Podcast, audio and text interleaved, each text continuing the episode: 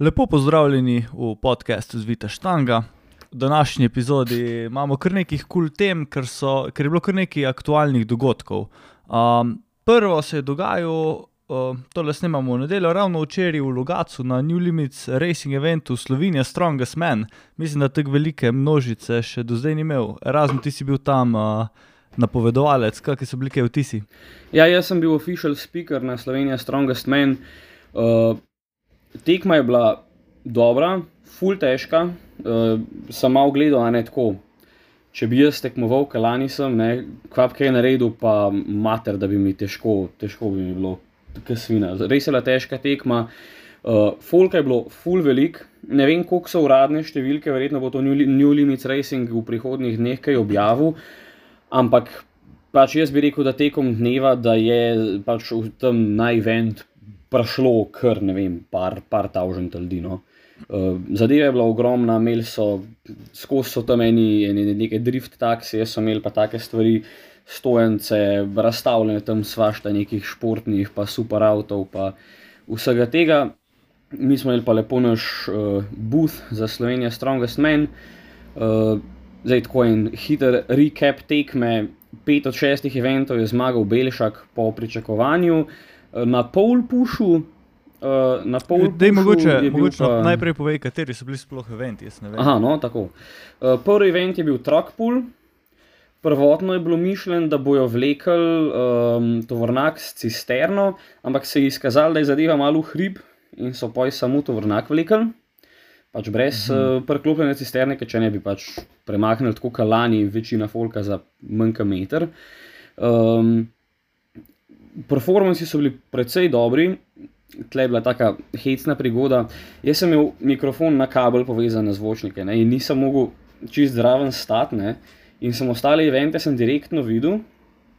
Uh, tega sem pa pač mogel tam zdaj za kompom pri mikrofonu ne, in, in sreča da sem, da sem imel s sabo, zjutraj sem se spomnil, da bi vzel dva voki Tokija, ki jih imam, tako sem si jih enkrat za foro kupil, da mi je pojanja govorila eh, po voki Tokiju, kdaj kdo štarta, da sem lahko napovedal, pa pol na WhatsApp pisala rezultate. Uh, nice. da, ja, to, to, to smo se mogli kar znajti, uh, ker, pač, ja, ker, ker je bil znotraj tega odmerjenega prostora, ki smo ga imeli, ne, ni bilo placa za to vrnak, da bi se zmanevriral in smo imeli pač v bistvu na robu tistega dirkališča so ga vlekli.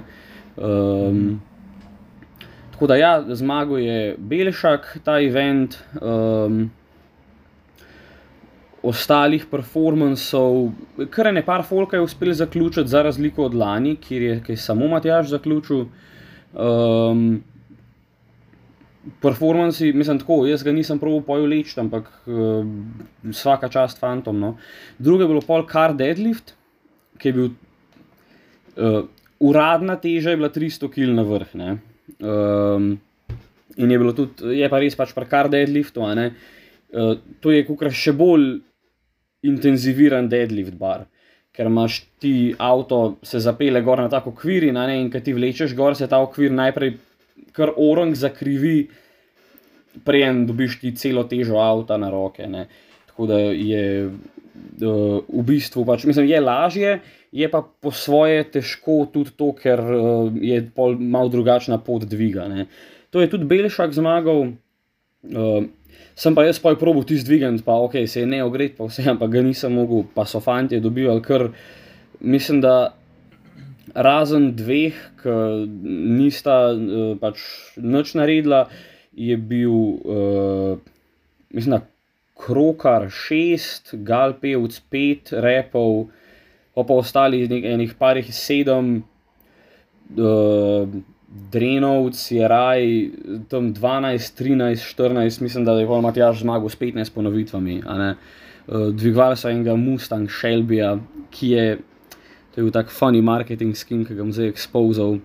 Na Shelbyju je pisal GT500, ampak je mi Zupančič, ki je poznavalec avtomobilov, izdal, da je v resnici GT350 ne? in da je 500 gor samo za marketing. Uh, Pač to so njegove besede, jaz uh, tega ne vem, kaj ne prepoznam. Ampak skratka, ja, komadno težak avto, pa prvoten plan je bil, da bi ga od zadaj dvigal, ker je malo lažje, nekaj spredje je mašina, ampak pol, pol so ga od spredje, tako da je bilo kar konkretno težko. Nice. Kako se je pa zmeril, uh, koliko je težek na vrhu? A so imeli kako tehnico ali je to nek približek, glede na neki izračune? Mis, mislim, da, mislim, da so neki izračunali na približen, da pač, mislim, da ni bilo pač exactly 300 km na vrh. Ampak, mm, to, da si ljudje lahko predstavljajo. Ja, nek, nek približek. Ja. Uh, nice. ja, jaz sem pos največ posnetkov v bistvu tega eventa videl, pa mi je uh -huh. bilo. Zelo zanimivo, kako se tehnika spremeni, ker je na nekem pivotu in ti v bistvu vlečeš gor in nazaj. In ko lečeš, vidiš Matjaža, ko ima neko dobro tehniko, pri tem, kako je uno perfektno znal hičo, da ga je rukno gor, se je ustavilo, hično pa lockout. Ja. Ful malo energije zgubil pri tem, tem ko mislim, da je bil uh, Timi Drenovci bil drugi ne, na tem eventu. Uh, ja, ja. On bi, če bi imel to malo boljšo tehniko, bi po mojem lahko zmagal Matjaža. Sem zato, ker on se je pa ful, ful se je matru, fulno uh, powerliftersko zaklepo, pol ko je ratalo težko, pol je nekaj malga hičo, ampak Matjaž je pa pravno se vidi namenoma, ima ta gib usvojen. Ja, se jaz, se jaz sem med, med eh, tekmo tudi malo komentiral tehnike od Folka, pa, tako, ne, uh, pa se vidi, ne, da Matjaš pa pač tukaj daleč največ experienca in ima poštudirane zadeve, kako jih je treba narediti, da je pač najbolj efektiven. Ne. Da ni, ni, ni vse samo moče, čeprav tudi mislim, da je tudi Matjaš imel še neki, kakšne dve, tri ponovitve rezerve, ne, če, bi, če bi moral se to pušati. Ja, je imel verjetno to prednost, da je proti koncu šel dvigovati. Ja, to pa tudi, ja, itak, ker je v Strongmanu za prvi event se žreba vrsten red, pol pa za vse naslednje evente, razen zadnjega, se gre po tem principu, da unke je bil zadnji na prejšnjem eventu, gre naslednji event prvi in pač tako. Unke je bil prvi na prejšnjem eventu, gre potem zadnji in ima v bistvu neko prednost. Ne. Um, no, to je bil potem kar deadlift. Uh, pol smo imeli overhead medley, uh, tukaj smo imeli, se pravi, uh, tehnično je bilo maksimum, uh, je bil se pravi, ena ponovitev na dumbbellsih, 30 kg, dva dumbbella. Vsak 30. Ja, vsak 30. Um, in to z unimi fat handli, ne? iz stal nad glavo, to je bila ena, 40 kg, druga, pa je bil 60 kg sandbag, tretja. Pa si imel 85 kg ta sod za pivo, si ga mogel dvakrat, 100 kg sod za pivo enkrat, pa 120 kg log dvakrat. In edini, ki mu je ratal to dokončati, je bil Matjaš, je pa tako honorable mention tukaj Niko Cartel, ki se mu je čas iztekel tako dobesedno. 5 cm pod lockoutom na zadnji porovitvi na log, na log liftu.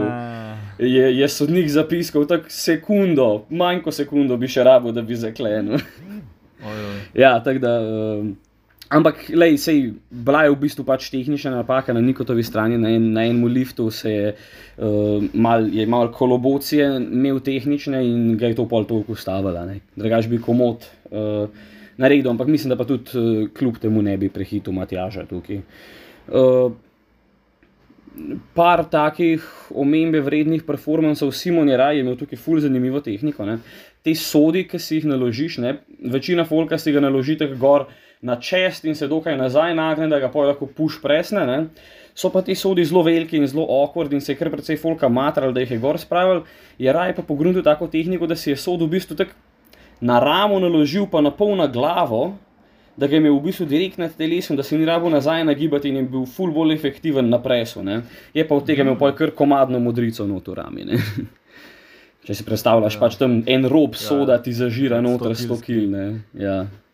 Um, Gal pevci je tudi tukaj kar precej naredil, on je bil najmlajši uh, tekmovalec uh, tukaj, je prišel do 85, dvakrat, je naredil, pa, pa na stotki mu je pa glih minimalno zmanjkalo, nek, spet nek, neka tehnična napaka. Ampak to je tudi prestrong meni, da v bistvu moraš. Uh, eni tekmovalci se je ful poznali, da, da niso trenirali na implementih. Mm -hmm. uh, ja, da, da pač, so samo približke.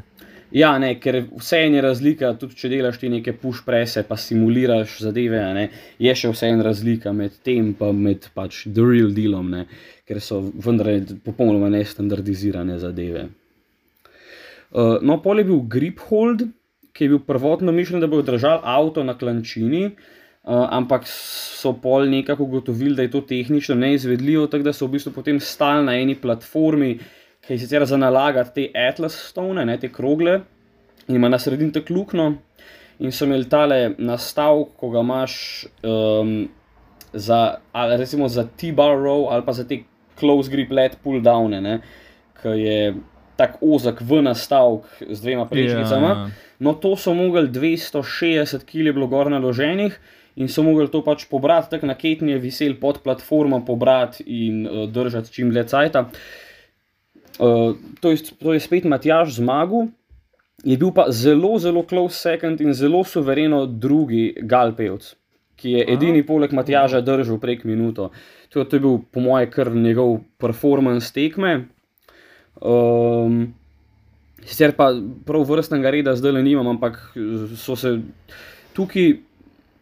So se kar vsi precej dobro izkazali, naredili precej več, kot sem jaz osebno pričakoval. Uh, pa tudi um, se je videl, da so bile neke tehnične težave. Mislim, da je še celo Matjaš uh, mal stumblal na vrh, ker si v bistvu ti si se balansiral gor s to težo, a ne precej visok. In uh, ni bilo samo to, koliko lahko ti v rokah držiš, ne, ampak tudi to, koliko si ti tam gor stabilen, da te ti ne prevaga, ne, ker vendar si ti. Kot da bi en 206 kg zvonc med nogami držal. Ja, ja ja. na neki pručki. Torej, to je bil potem četrti event, peti je bil Pole Push, tleh smo imeli naš prvi retirement, nažalost. Um, skratka, v bistvu gre se za to, da je en tak dolg lesen hlod, tekmovalca sta v krogu in ima ta ročaje izvrvi vsak na svoji strani tega hloda, ne? ona dva pobereta hlod, sodnik da, da znak in začne ta v bistvu rind ta hlod, da, da bi drugega s tem hlodom izrinila ven iz kroga, ki je na tleh. Ne. Eh, to je kar en tak, en tak precej star strongman event, ki se niti ne pojavlja nekaj ful velik več na uh, mednarodnih strongman tekmah, ampak se je pač Matjažu zdel zanimiv, da bi probal. Imam svoje določene pomisleke glede varnosti pri tem eventu, ne, ker je parkrat folk kar malo odletel, pa hlod tudi malo odletel. Ampak eh, na koncu ni bilo kakih hujših, matic smrtnik si tukaj gležen, ne nekaj eh, poškodoval, ampak ker sem se pogovarjal z njimi, rekel, da je v bistvu bila to že ena stara poškodba, ki jo je imel. Da, uh, da že prej ni bilo čisto ok, ne, in da je v bistvu je pol samo mal. Ekstra rabel, da si da je pol bil ti zgležen, fuč, da je pol pred zadnjim eventom pulov out. Um, to je bilo notably, je bil to edini event, kjer uh, Matjaš ni zmagal. V prvi rundi ga je Manuel Kompar izločil, to je bil naš uh, edini gostujoči tekmovalec iz Avstrije, ki je na koncu bil drugo vrščeni. Uh, Manuel ga je izločil, pa se je pa šlo v bistvu po turnirskem, tako da je na koncu v, bistvu v zadnji rundi proti Manuelu zmagal Cartel in je bil overall winner tega Niko Cartel. Tako da v bistvu edini winner eventa poleg Matjaža. Um, smo imeli pa kar ene par takih zanimivih dvobojev.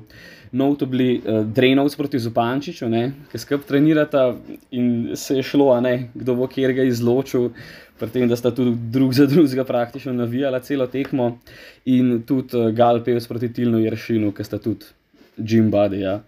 Se je tudi šlo malo mal za to, kdo, kdo bo koga. Um, Pole zadnji event je bil pa Conan Will. Um, Plan je bil, da, da je 350 kilski, ampak pol v bistvu ne vem, koliko točno je bil, ker smo imeli na koncu vilo naloženih, mislim, da še njih 70-80 kil, pa štiri punce, ki so bile tam gimnastičarke, ki so imele vmes točko. In uh, so pa tudi malo pomagali tam z. Čakaj, uh, Conan Will je uno, ko zrčer zagrabiš nekaj, pa v krogu nosiš v kolo. Ja, v bistvu je taka priprava, ja, tako debel štil imaš, ki si ga naložiš, kot v neko zrčer squat pozicijo in je na sredini prtarjen nek pivot in hodiš v krogih, moraš pač čim več razdalje premagati. Um, tukaj jaz bi najbolj izpostavil od Drenovca, um, od Drenovca rezultat, ki je bil kar uh, zelo suvereno drugi za Matjažom. Matjaž je ti naredil tri kroge, Drenovce pa nekaj, mislim, da dva, pa dve tretjini, nekaj tasga. Uh, wow, okay. uh, ja. Tako da, ja, od Drenovca rezultat je bil tle precej impresiven.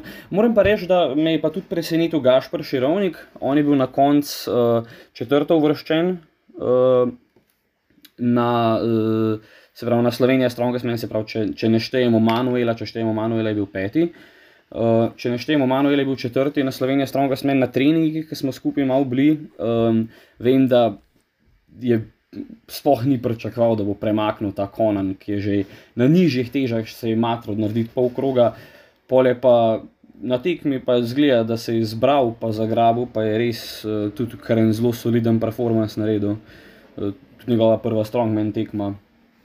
Tako da na, na Conan Willu me je on uh, zelo pozitivno presenetil. Pa všeč mi je bil tudi performance od Andraža Zopančiča, ki sicer ni tako ful velik naredil, ne, ampak on je pred zadnjim eventom šel do reševalca, pa je rekel, da ti, me, ti mene tam čakaj, ker pri eventu s kisikom, ker jaz bom šel tukaj na pas mater, dokler ne odpovem. Ne. In, in je res šel na pas mater, dokler ni odpovedal, je, ki je odložil, se je zadrl, jaz pa skočil, pa pa stopil štiri korake dol iz prizorišča, pa na tla padel. Ojej, okay. ja. Ampak, ampak je bilo, je, se, se je vse dobro izšlo. No. Tako da ja, na koncu je zmagal je Belšak, drugi je bil Cartel, tretji Drenovc. Cartel pa Drenovc sta bila celo izenačena, tako da je v bistvu Cartel zmagal po tem um, countback sistemu. Uh, ker vem, če sta dva izenačena, naj se gleda, kater ima več prvih mest. Če noben nima prvega mesta, oziroma ima ta enako prvih mest, šteje, ker ima več drugih mest, itd. itd. Ne? In pač, ker je Cartel en event zmagal, Drenovc pa ne, ne? je pol, um, je pol ah, Cartel ja, bil razumem. drugo uvrščeni, Drenovc pa tretji. Mi je bilo pa strašno všeč, jaz sem pa tudi vodil ta podium ceremony, pa moram reči, da je bil naš. Predvsej zabavnejši od tega, ki so ga pojmili za tiste dirkače. To, Ampak so nam zrihtali šampanc, da smo pojli v slogu motošporta proslavili se, da so se tam špricali s šampancem na odru. Je ful dobr. Um, so bili eventi kar malo bolj eksotični kot če je bilo lani ali predlani. Uh, ja, lani, ko smo bili. Lani, lani je bilo med vodah. Ja, lani so bili malenkost bolj konvencionalni. Ja. Lani smo imeli deadlift, track pull, un, Viking press. Mm, sandbag carry, farmers carry, ja, so bili mm. kar malo bolj basic eventi. Bilo je ja. verjetno ful dobro za gled, pa sploh glede na to, da je bilo veliko gledalcev tam na tem, uh, na tem eventu. Je, a je prišel Strongman tako do izraza, ko je tam v medvodah, ko je bil recimo center vsega dogajanja, ali je folk pač mal pogledal med dirkami? Ful je bilo zanimivo gledati. Če si predstavljaš, to je bilo ta ena taka, ena taka veliko prizorišče, pač tak vozni park, ne, da mislim, da odamo za vse, no pač nek center varne vožnje. In mi smo bili tako na robu in je bil en tak koridor iz ograj, kjer je folk stal in na eni strani smo bili mi, na drugi strani je bil poln poligon, ki so ti razni športni avti, drift ali pa ga tam žgal gume. In drugače je folk večinoma tam stal, pa gledal avto, ker se je pa Strongman začel, je pa sam bil tak tektonski premik množice na našo ograjo in je bilo kar. Uh, po mojem, je bilo največ gledalcev še na overheadu, pa na, um, na grip eventu in takrat je bil res za une, spoh na gripu. Uni, ki so čez 50 sekund prišli, ki se je šlo uno, kdo bo na minuto, ne? to je bilo, je bilo orang dretje. Je bilo, nice. je bilo orang dretje tako, primerljivo z, raznimi zadnjimi attempti deadliftov. Tako, O, full dobro. Pač eh, je, bilo, je bilo kar zelo fajn množica. So ono, kako so cartla hajpa za log, ne. Ko mi je poj zmanjkalo tiste pol sekunde, da bi zaklenil. Uh, pa pevca na gripu je bilo kar noro, ne. Ker je kar, kar drži, pa drži, pa drži. Jaz sem ga. Raj, raj nisem spoh dvigati. Verjetno je bil cel event kar kul, cool, ker tudi, pač, spoh, če si bil zaradi Strongmana tam med eventi, si imel nekaj zadelati, ker Strongman se da kar vleč, že to, da vsakmu prednjo naštimajo, že ko en konča, pa da spet drug začne znabiti ne 4-5 minut, v najslabših primerih. Med eventi zna biti pa tudi 3-4 ure, urca, odvisen, koliko je za pripraviti, koliko se je za ugretna. Ja, mislim, da se zdaj smo imeli tudi tako lepo natempiran čez cel dan, da so bile tudi pauze med eventi, ker vendarle tam sonce žgal, eventi, a ne ti greš vsaj, greš na pas, mater, all out. Ne, um, in v bistvu ni tako. Ni, ni, ne zregeneriraš se ti to, kot se med tremi počepi, pa tremi benči. Če imaš ti tam eno minuto, full out, pritiskaš na polno. In smo imeli pojem od pol ure do eno uro, pauz med eventi, prav med koncem in začetkom naslednjega, da se je umiril, prštimer, pa da so se tekmovalci lahko malo pojedli, popili, spočili. Um, in ja, je, bilo, je bilo kar zanimivo tudi vmes, da si lahko malo šel pogledat tam v nek, so malo drift ali pa razstave avtov, so imeli bute, razne te racerji, razne firme, VUP je imel neke fore, unga, unga bika so imeli električnega, je že imel v Ameriki, v barih, mm -hmm. ki greš gor pa te dol meče. Uh, tako je, ja, pač ful zanimivo. Pa, ja, uh, mislim, bistveno več folka je prišlo, kot bi prišlo, če bi bil sam strongman. Ne? Tako da že to, je, že to je ena velika zadeva, da se, da se je rad ali to zorganizirati. Nice. Ker nekaj je tudi powerlifterjev tekmoval, a te je kjer posebej presenetil, ali pa si za katerega mislil, da bo boljši, če glede na njihov performance v powerliftingu. Je ja, tako. Uh, od powerlifterjev, teh, ki so trenutno aktivni, če se ne motim, so bili štirje. Krokar, um, Širovnik, Jerešim pa Pevc.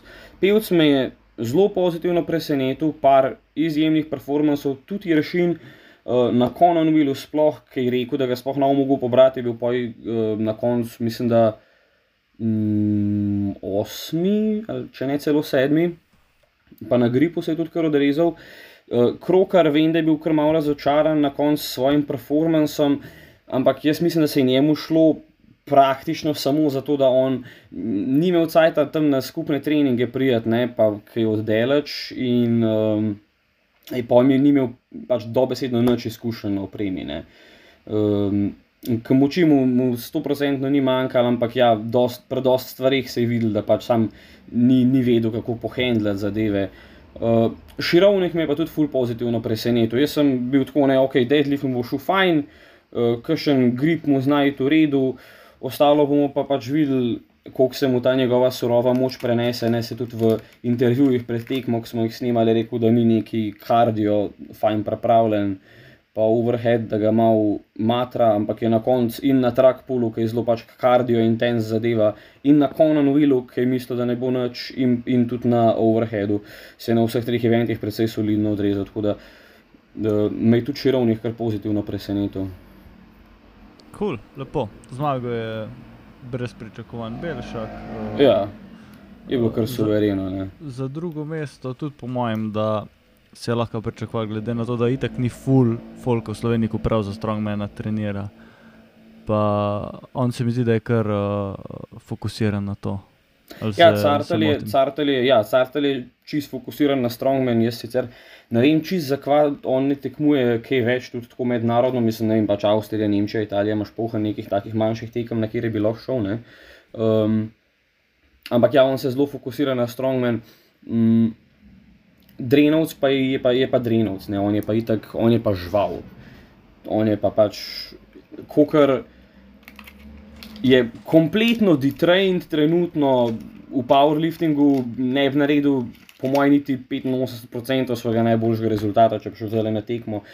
Ma pa, ma pa uno atleticizem, pa, pa šir willpower, da gre pa, pa res stisne vse od sebe, ne tako, ki je ne vem, na kakšnem konanu. Pa, uh, tako ja, jaz sem pričakoval nek tak podium. Ne, uh, en en cajt izgleda, da se širovnik zna potegovati, ampak je pa jim mečken zaostal um, na, proti koncu.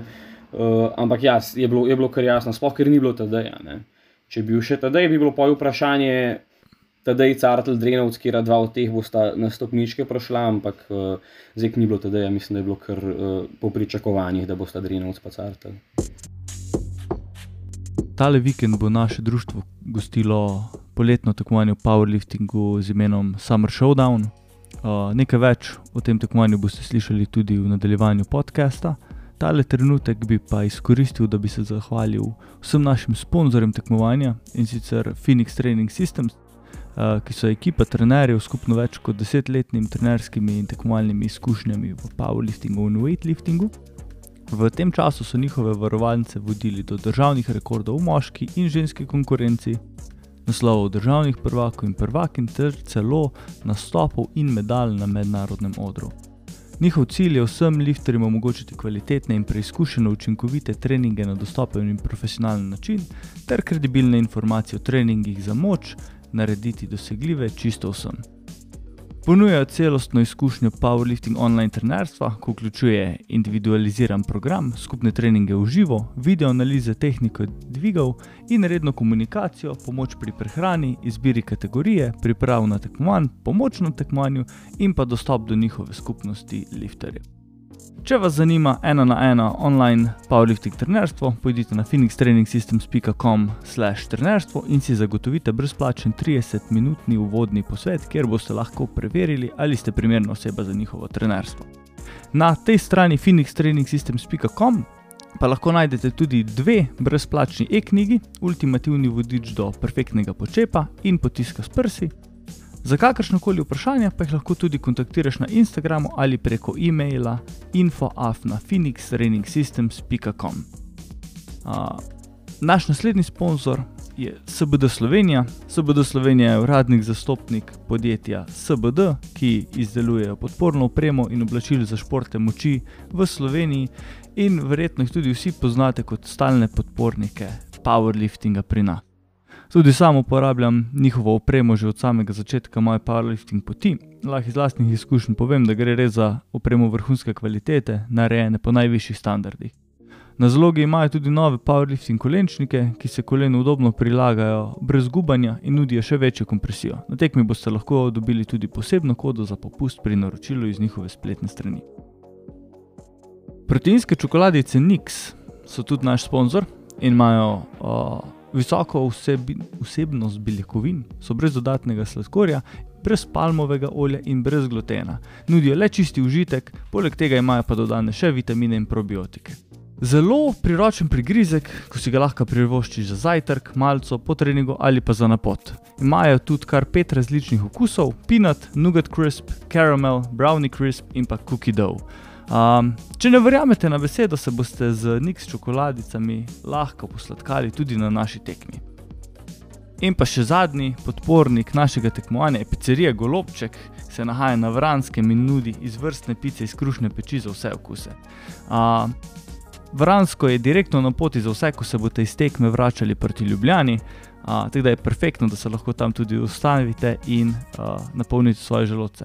Uh, tudi sam sem že preizkusil te pice in lahko 100% priporočam, so res odlične. No, zdaj se pa vrnimo kar nazaj na našo epizodo z Vite Štange. Ja. Tadej ni bilo predvsem, ker je zelo nastopil na svetovnem prvenstvu, ko se je končalo par ur nazaj.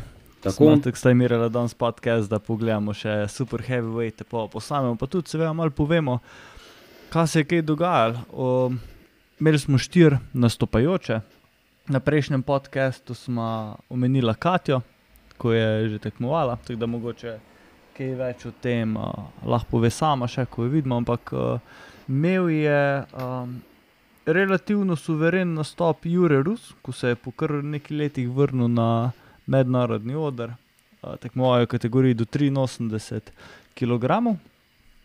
Um, na koncu je, če si tukaj odprem razpredelnico, da ne bom kaj narobe rekel, je bil 19 od 32, se pravi proti, nekje proti zlati sredini.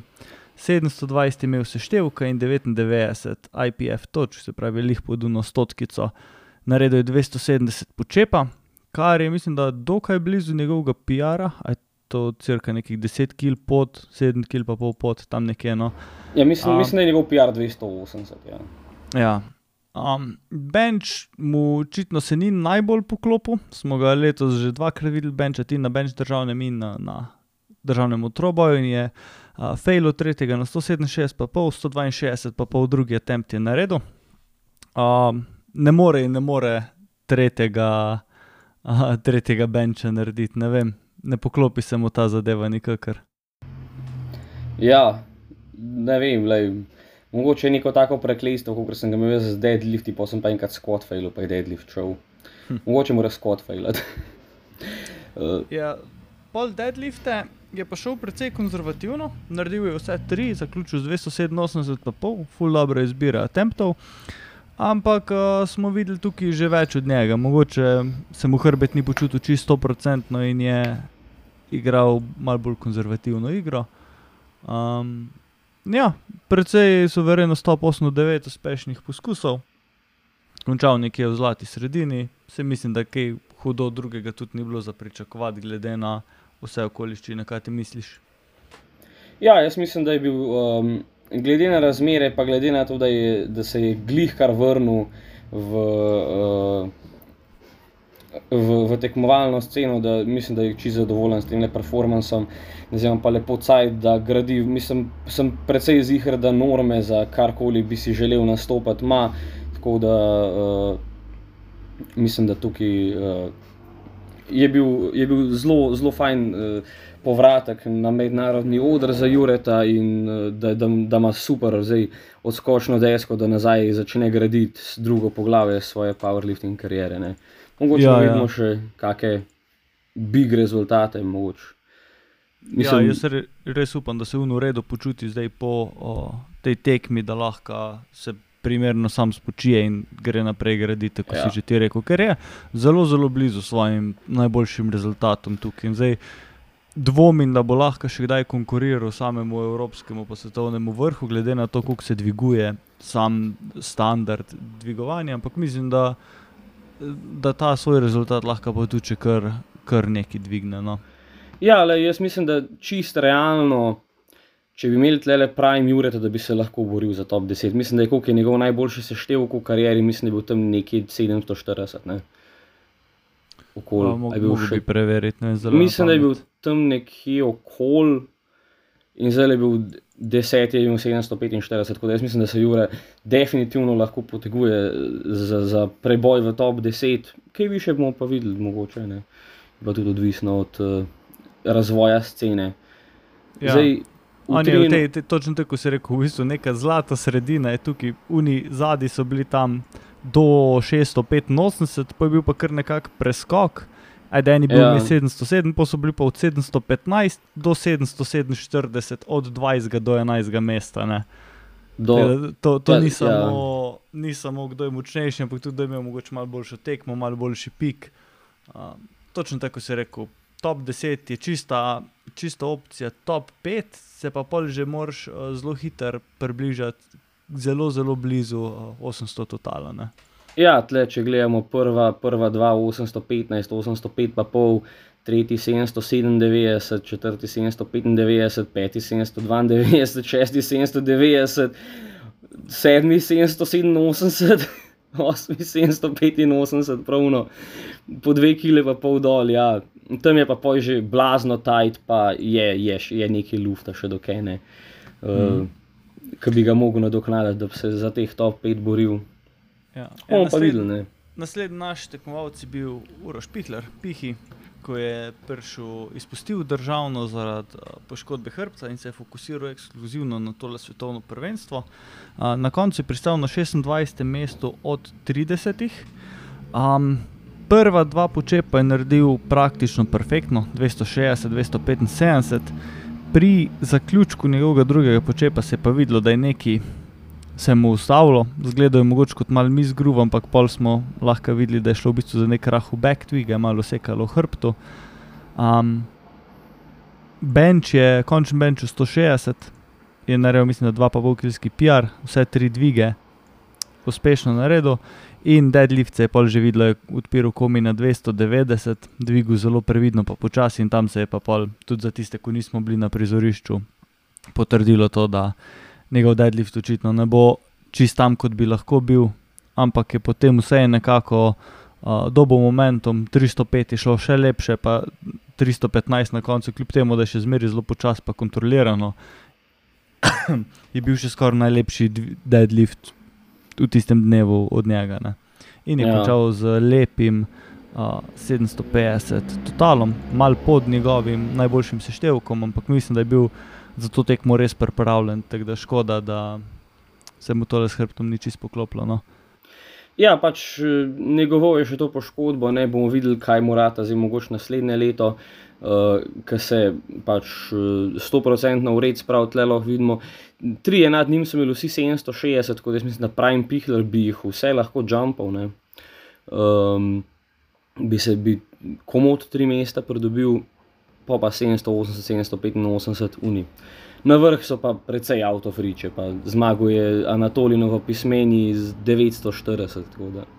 Ja, mislim, do, do, tudi, do, tam, do tam pa še nekaj fali. Ne? Pa tudi te 380, morda bi, bi tudi to lahko dosegel, sploh glede na to, če je bil lažji. Mislim, da je bil v enih parih lažji, ali celo do vseh.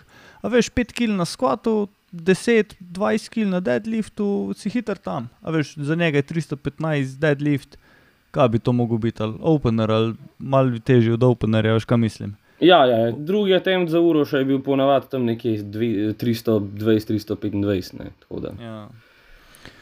Ampak ja, no, in zadnji tekmovalec, ko je nastopil v kategoriji do 120 kg, je bil Tadej Kovačič, ko je skvatnil 307 pa pol, kar je dve kile več od njegovega osebnega rekorda, je še zvišal mal svoj državni rekord in očitno se bo mogel na naslednji tekmi uh, približati tej 310, če bo hotel ja, izboljšati ja. svoje rezultate. Uh, Dobro, no, na domačih tleh tako lahko čipa, ampak bliže 310 bo, bo kot 305. Um, ja, za tedaj je super performance na skvotu bench, uh, 157, pa pol pač neki dokaj na zihr poskusi, uh, leta se že bode s tem benchom. Ne, pač ja. Vsaj uspeli so mu vsi trije. Mislim, da je dobil tukaj vsako kilo, ko je bila na, na razpolago. Ja, ja. Um, mislim, da smo že večkrat na tem podkastu govorili o tem, škoda, da, da nima mal večjega benča, ker če bi ga imel v, v sorazmerju s svojim deadliftom, pa počepom, bi to bil gladko total preko 800 kg. Ja, ja. Na deadliftih pol, uh, je pa prvega 275 na redu, drugi pa tretji pol je, so bile pa težave na zaklepu, mu jih pol niso, jih niso priznali, ne, tako da je ja. pol na koncu. Mislim, da drugega na... so overturnali, kako je že bilo. Možno, kaj, on je tako mogel vmes med SSM, tako da nisem. Ja, uh, no. ja, za, za počep sem videl, ki mi je sestra napisala, unga pa poj nisem mogel gledati, ne, ker sem tam jezik vrtel. Um, ja, meni je tudi to, to klif, to je bilo, da mi je šlo iz glave točno, kako je bilo. Ampak, če se ne motim, je 295 bil overturnen in uh, so vse en se odločili 307, pa pol gor, ker je mu šlo fajn, 307, pa pol bil pa pol še tako slabši za klep. Da, ja. uh, da ni šlo čez, mislim, da so bile tudi celo tri rdeče, čeprav je, ja. je bil dovolj močan. Ampak ja, mal, mal slabši overall total za TD-ja. Ampak um, po mojem, da ne moremo reči, da je to slaba tekma, ker je počepje naredil praktično perfektno. Ja, bench praktično perfektno. Deadlift se pa vidi, kar naj v bistvu, če pustimo zdaj overall rezultate za na koncu, pa mogoče malo povemo o tem, kako je vse skupaj potekalo. Je bil full standard uh, teh žirije, je postal tak, da so ogromno overturnali stvari. Ja. Jaz sem najbolj podrobno sem gledal um, 93 kategorijo, ki sem jih zgašal, skupaj v Džimu, pa smo gledali tale battle med Gavinom, Emilom, Gustavom in Kajkotom, pa, pa je bil še Saša. Um, so Gavinu so spet overturnali ta zadnji squat. Uh, ne vem, kako je bilo pojsta zadnjimi deadlifti, mislim, da sta ga Emil in Gavin prav fejlala, fejlala da jih niso uvrtrnili. Ampak ja, je bila žirija, je bila strašno aktivna. Pa tako, no, sej, ne vem, te tede je videti, lifti, sej, pa, lahko je biti uh, coach po tekmi, ne, to je zmer rečem, ampak jaz sem, zmer, ki sem gledal tede, da je liftat, sem bil tako, pač zaklepi, a ne, ni, ni, niso, niso najlepši, ne, do zdaj sem bil tako, ok, lej, zgleda, da so ustrezni, zdaj letos so pa zgleda, da res tok um, visok standard zahtevali, da pač ni šlo čez. Ne. Ja, uh, ja. Par, par stvari sem opazil, so se spremenile glede sojenja. Prvo je to, pač, da so full več overturnal.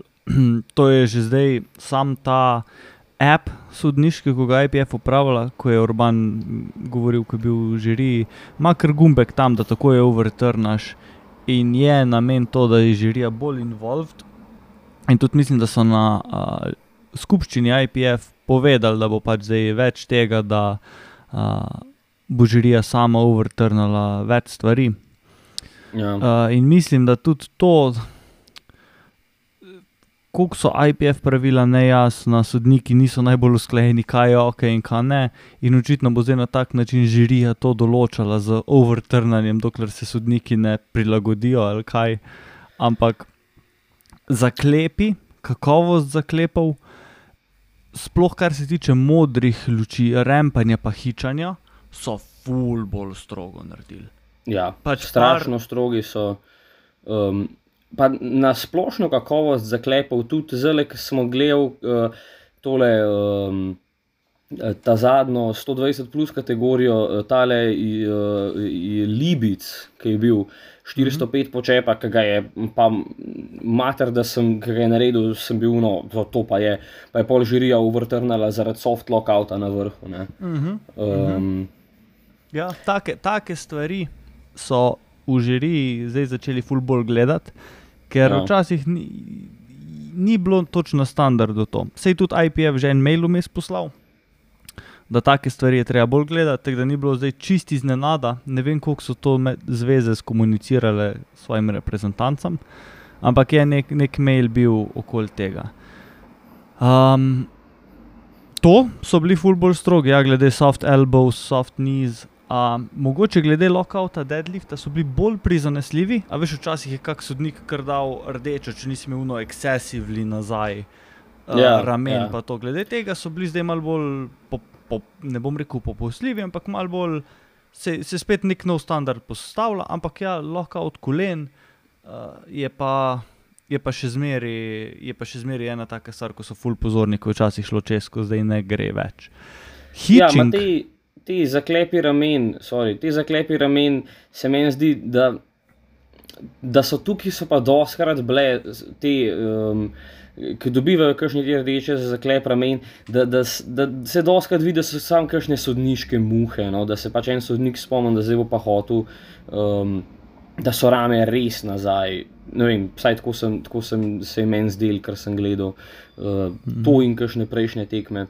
Sem te sam hotel vprašati, preden greva uh, naprej na hitching. Uh, a lahko žirija overturna tudi uh, lifte, ki so um, 3-0 potrjeni? ne, Ali so, ne, Ne. so samo tisti, ki so 2 proti 1 ali uh, tako je. potrjeni ali pa zavrnjeni, da jih lahko da, okay, okay, ja, ja, ja. Če hočeš, da gre lift čez, moraš res perfektno dvigniti, da Ja. pusti šanse, Ja. da žirija gleda.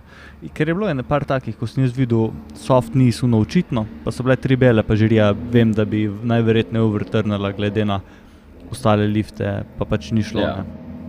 Um, ja, hi hitching je ena taka stvar, ko so full, full bolj bili strogi. Z kar nekaj liftov je bilo overtrnanih, taki, ko so se meni zdeli ok, pa očitno niso bili zdaj po teh novih standardih. Praktično že uno, mal bolj hudo drsenje po stegnih. Če si preveč, ne vem, tek nazaj nagnjen, že, a veš, da ni uno niti oron cramping, je že, že bilo, da si eno modro dobo so ponavadi kar overturnali. Zelo, zelo strogo je to postalo. Ne vem točno, Ja. kaj tukaj gledati zdaj kot in kot sodnik doma, kaj je tu zdaj meja, da je ok, pa kaj ni in kot trener, kaj lifterjem svetovati. Um, bo mogel še malo te posnetke pregledati, pa videti.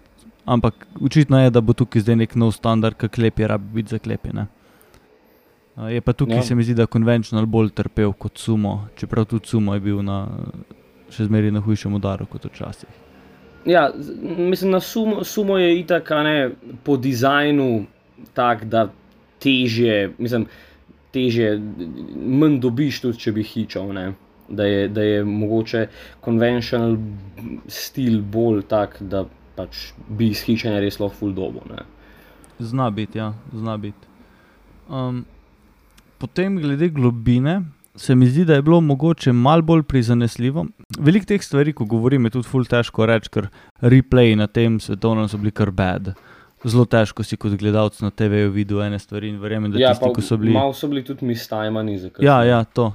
Pač, eh, se mi zdi, da tisti, ki so bili v dvorani, sploh sodniki, pa žirija, so videli veliko bolj točno. Da, mogoče so bile tukaj kakšne stvari, ki se nama zdijo v eno smer, če si videl pa iz pravega kota, je pa mogoče malo drugačne. To, to je velikrat. Tudi takrat, ko sem iz Evropskega prišel, ko smo se pogovarjali o Emilu, uh, ko je bombno, ne, zaradi globine.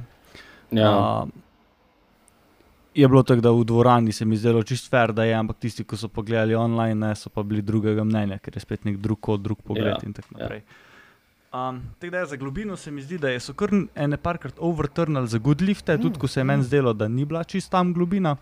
Um, tako da ne vem, mogoče, mogoče je bil standard za globino zaenkrat prehud, ali pa si je to samo neko mojem biased opinion, ker itak nisem zdaj trekal, koliko jih je bilo overturnanih, pa za kredi česa in tako naprej. Um, pa še eno stvar sem opazil, um, mi je pa zelo iz glave ušla, tudi glede tega sojenja. pa to. Meni so se zdele bench komande precej hitre. Tako. Putting it out there. Tisto, kar sem gledal, se mi je zdelo, da na tekmah, kjer sem jaz tekmoval, so že bile opazno počasnejše komande, pri nas. Kot so bile zdaj le tle. Vsaj za, recimo, generalno, če gledam. To ja. je ena, ena stvar, ki se je meni, ki meni mogoče v uč padla. Sej. Lahko da je to čist biased, ker sem gledal, recimo, mogoče vsega skupaj 20% prvenstva, ampak ja. Se, hitre komande so meni praviloma všeč. Dokler Ja, ne, pač, sej ne pravim, dokler so slabo. pač ne. fair, ne, da ne pustiš ti lifterje Ja. čakati spodaj na benču dlje kot bi rabo, pa da ne rabi en deadlift držati gor dlje kot bi rabo. Pač ko priješ uno ustrezno pozicijo, da sodnik ne spi, pa ti da ukaz. Uh, s tem v bistvu nagradiš tiste, ki imajo v redu uh, formo, ne v redu formo, v redu tehniko, ne, da pač znajo zelo, zelo hitro umiriti palco, uh, zelo tak snepi, lep lockout narediti. In To, to mi je praviloma kul. Cool. Nisem pa jaz osebno opazil, da bi bilo nekaj kaj ekstra hitro, je pa res, da se mi pa ni nikjer zdelo, uh, tukaj so ga popustili čakati. Da, ja, mogo, mogoče imaš, imaš prav v tej smeri. No, to. Večja presenečenja tega prvenstva. Mogoče Gavin Eden, peto mesto v 93, sem pričakoval več od njega, je pa res, da je bilo na vrhu kar, kar zelo napeto. Kajko je sicer zelo suvereno, sploh na benču, me je strašno impresiral, ampak pol drugo, tretje, četrto, peto mesto, eh, Hedlund, Krastel, Štende- Štendebach pa Edin so bili pa pol kar precej skupaj, pa sem mogoče pričakoval, da bo Edin kaj više, ne, ampak uh, po mojem, da je ta overturna- overturnan squat ne je bil kar um, the difference, ne. Ja, ja 15 skill definitivno. zgubo, ne. Že to, da je pač opener ni bil ok, je bil drugi, malo bolj konzervativen, ne? bi verjetno ja. drugi je tem bil veliko bliže tretjemu, tako je bil overturnan. Ampak gled, tek, tek je, to je tekmovanje, treba se je prilagoditi. Uh, je pa zato Jonathan imel praktično perfektno tekmo, res performance ja. izven tega sveta. Um, Emil je definitivno zupgradil svoj performance od prej. A je bilo res fajn gledati do zadnjega deadlifta. Če bi še tega zadnjega naredil, bi bilo verjetno veliko bolj napeto z uh, Gustavom. Ja, Um, za zmago, verjetno, ne, ne verjetno, ampak za, za zmago praktično ni imel šans, ker je pač Kejko naredil zadnji deadlift. Ampak mislim, da je bilo to vse. Um, čakaj, če zdaj odštejem, bil, bil, bil, ne. Oziroma, ja, če se ne motim, ja, ja. Spet, veš, te informacije so se mi že vse malo pomešale, ampak mislim, da je bilo tako, da, da so lovili Kejkota za svojimi zadnjimi deadlifti, za njegov drug deadlift, veš. ja, ja. In pol je, pol je Emil Fejlu, je Gustav znižal, da je samo prehitev Emila in potem je pač, da je zazihral si drugo mesto. In potem je Kejko samo, o, je že v bistvu zmagal in je samo si zagotovil še ta ta zadnji deadlift. Jaz sem bil tukaj uh, full vesel, da je bil tako dober fight. Tudi to, da je Saša na koncu dvignil za stopničke, oziroma za četrto mesto, pa za uh, deadlift zmago, je bilo fenomenalno.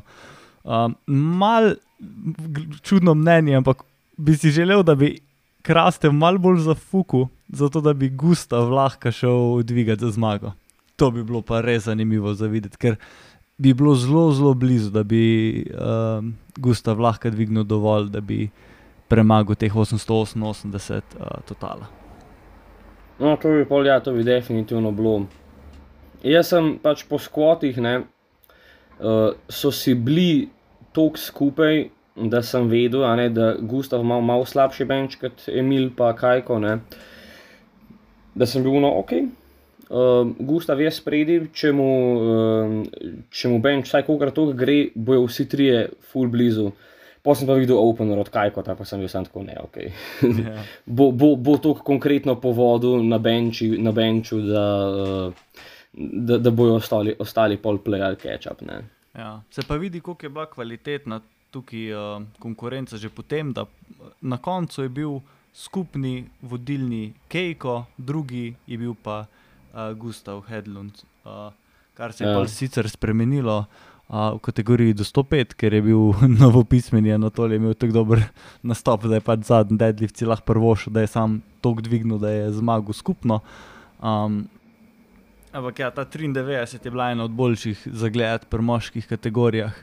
Uh, zelo napeta je bila tudi 83, tam je na koncu zmagal Delaney Wallace, um, ki ni imel najbolj posrečnega nastopa. Uh, je nekako pričakoval, da bo bolj smut zmagal, in se je na koncu kar hudo boril z uh, Enahoro Asejnom, Mačarom, z nenormalnim deadliftom, drugim attemptom je dvignil 370, pa pol za svetovni rekord pri 83 kg. In na koncu je dvignil za zmago, pardon, 380 in pol, ampak ima neko čudno asimetrijo, ena stran je šla gor, druga ne, in ni šlo skozi. Ja, 83, jaz nisem gledal, ampak je bila tudi mislim, strašno napeta, sploh pa potem za stopničke. Ne. 815, 805, uh, Asein pa Deleni, pol pa od, se pravi, od tretjega pa do osmega mesta so bili po tako pol kile na razen. Yep, mislim, da so tukaj vsi dvigovali tretje mesto dvigovali ja. tretje mesto, dvigovali za tretje mesto. Uh, ja, in se, pač in se lahko vidimo, tri je fejlani, deadlifti, tale, um, ki je bil peti, pa uh, Nick Menders, ki je pol bil tretji, pa oba dva prvega fejlala in pol mogla nekako prilagoditi ja. tempo. Ne. Ena dobra stvar tega prvenstva je bila to, da so bili ti večerni prime time sloti, osem lifterjev, full, full gledljivo, ampak določene slabe stvari so pa bile. Tako tole, recimo 83 je en primer, en bo še polo 74, pa še kaj bi se lahko izpostavil. Ampak Jack Soderberg je imel čiste šanse za zmago, na koncu vidiš, da sicer ne, ampak za stopničke pa je bil v B-grupi uh, in je poskušal vem, 200 uh, benča na zadnjem attemptu, 315 deadlifta na zadnjem attemptu zelo, zelo je pušil svoje abilitije, zaradi tega, ker je bil v B-grupi in je vedel, da rabi 800 totala, če hoče biti na stopničkah, kar se je izkazalo za res, da bi rabo. Ampak, a veš, če bi bil za A-grupo, pa se tempiral malo bolj po, po njih, bi lahko mogoče kje malo manj vzel, kje, ja, absolutno, ja. kje je malo bolj pušil. Um, tako da re, res škoda mi je, uh, bi lahko bil ta fight še toliko boljši. Mal so bile mi nasploh te grupe čudno narejene. En čisti primer je 74, ko je bil četrti Kjell Egil Bakelund, ko je bil po nominacijah pisan drugi. Ampak ker je on ta nominacijski totalni dosegel na mednarodni tekmi, pa ga je dosegel na državnem prvenstvu in to v 83 kategoriji, ker ni kato, so se oni odločili, da mu ga ne bojo upoštevali. Čeprav to praviloma v pravilih nikjer ne piše. Piše samo, da mora biti v zadnjih 12 mesecih total ta dosežen. In je tip, ki je večkrat na svetovnem prvak, v Equiptu, svetovni rekorder. In je na koncu tudi dvigoval 328 za svetovni rekord v deadliftu, ko so mu ga pol sicer overturnili zaradi teh stvari, ko smo že zdaj govorili. Um, se je na koncu izkazalo, da bi lahko zmagal, če bi mu šlo vse po, po načrtih, ali pa bil vsaj na stopničkah in nekako ni mogel niti približno kontent, pol zaradi tega, ker so ga dali v B grupo. To mi je bilo ne vem, ful, ful, ful čudno narejeno. Ja, ne vem, se, sem to, se to tako mal, sem tudi jaz gledal. Ajde, razumem, da če bi prišel zdaj neka ne, nobody lifter, niso ga sploh še videli na mednarodni sceni, a pa ne vem, eno, dve tekmi, um, pa da potegne nek lud total iz državce, da mu ga ne upoštevajo za nominacije, da pol prije tam pa je v prime time grupi pa bombne, ne, ampak, um, ali pa je ne vem, 100 kil za vsemi ostalimi. Ampak, če imaš pa ti nekoga, ki je pač mednarodno prepoznaven, večkraten svetovni prvak, pa vse pa lepo te prosim, pač bi pa res lahko upošteval. Ne. Ja. Pač ne vem, šli so ne- po ne nekih vem, kaj se objektivnih kriterijih, ko so bili za vse enaki, niso bili najbolj jasni vnaprej. Um, ker ne vem, če bi on to vedel, bi mogoče pa Katu na državnem za, Ja, za ta nominacijski total svoj. Um, definitivno imeli, so imeli ti prime time sloti neke definitivne prednosti, ampak včasih je bilo malo antiklimatično, ko si imel kakega res dobrega lifterja v B grupi, ko so tudi vem, svetovne rekorde probvali, pa na koncu kakšne medalje pobrali in tako naprej. ne. ja. Um, Je bilo pa fajn, da je bilo samo 8 lifterjev. Ne? Ja. Um, da je, je, je, vendarle šla tekma majhen hitrej, malo lažje si sledil, kot če jih je vem, 12, 13 v skupini, ki se že malo zgubiš, pol, Ja, ja. In če ne sploh zdaj bo od sedmih do desetih zvečer si gledal tekmo in si praktično dva prime time slota videl. Ne, uh, Ja. ne vem, eno žensko, pa eno moško, ni bilo ful dobro za gledati. Uh, od moških pol, mogoče bi sam na hitro izpostavil 120 zmag, Tony uh, Cliff, ko je naredil 952, pa pol totala, pometu s konkurenco praktično. Uh, 120 plus je zmagal Jesus Olivares, naredil 455, počepa tretjega je skrečil. 250 venča, samo opener, pa 67 pa pol je pol failu, oziroma opener na 250 je failu, drugega je naredil, 67 pa pol failu, pa uh, deadlift za 410 pa pol je spravil do gor, ampak nisem čist zihar, kaj je bilo, je, se mu ni zdel lockout urejal, pa je takoj odložil, ampak dvignil je, pa pol tudi kar odložil. Sicer je bil zelo na meji, ampak ne vem. Uh, v glavnem ni šlo skozi. Ja, le, Um. mogoče je pa sam taktiziral, da zdaj probo, če ga lahko naredi, pa ga je rajš pred komando odložil, da se mu ne šteje, da pojel na Sheffieldu. Tudi možno, ni dvakrat za reči. Mislim pač, bi bil je, bil je 100 kil spredi, tako da res ni rabu tega. Ne. Uh, je bil pa še pol en mal večji fajt v 66, kjer smo pa že v bistvu govorili. Um, pa 59, tudi da mogoče kaj več o tem ne bi. Na koncu smo mal prediktali države. Prva je ostala Amerika, na drugem mestu Francija, tretja Švedska, uh, četrta Britanija, bolj pa kar nekaj časa zadnji nič in pa potem Španija. Američani so bili kar, kar hudo od spredi za uh, 18 točk, če se ne motim. So Ja, pobrali ja, za- za štiri 18 zlate medalje, ja. pa eno uh, drugo mesto, tako da so praktično pobrali skoraj vse možne točke. Uh, skupen best lifter je postal Anatolij Novopismeni, drugi Jonathan Kay, kot tretji Gustav Hedlund. Uh, se premaknemo še mogoče hitro čez ženske kategorije, kar je bilo zanimivo. Ja, prva zanimiva stvar, ki mi je bila, ne, Bonika je bombal na deadlifte. Uh, Yep. je bila sicer, uh, mislim, da je bil kar eh, zelo dober performance uh, za njo na skvotu, dvakrat rekord podrla, ampak zdaj ne vem, a se, a se ji to, to se ne bo štel kot rekord, ne, ker je bombnala. Ne. ali- Se To se ne bo štel. Ne? Um, Drugač 289 počepa, mislim, noro. a. Ja. Pa Uh, uh, drugač, zdaj je tudi izgubila svoj svetovni rekord. Dva, dve druge ženske so podirale in Britanni uh, Šalter, ko je na koncu zmagala, Kanačanka. Flater, ja. A, pardon. Uh, je 281 skotnala, pol za njo je šla uh, 285, pa pol uh, uh, Sonita Kien. Pol tretja šla pa Budika Brown 289, tako da so se hud, full fightale tukaj za ta svetovni rekord v bistvu. Uh, Ja, štirikrat je bil podrt, sam pa pač bolnik in ga niso priznali. ne. Tako. Mislim, Ni nešteje. ne. Tako, tako da je v bistvu Sonita že mislila, da ga ne bo imela, na koncu ga je vseeno dobila.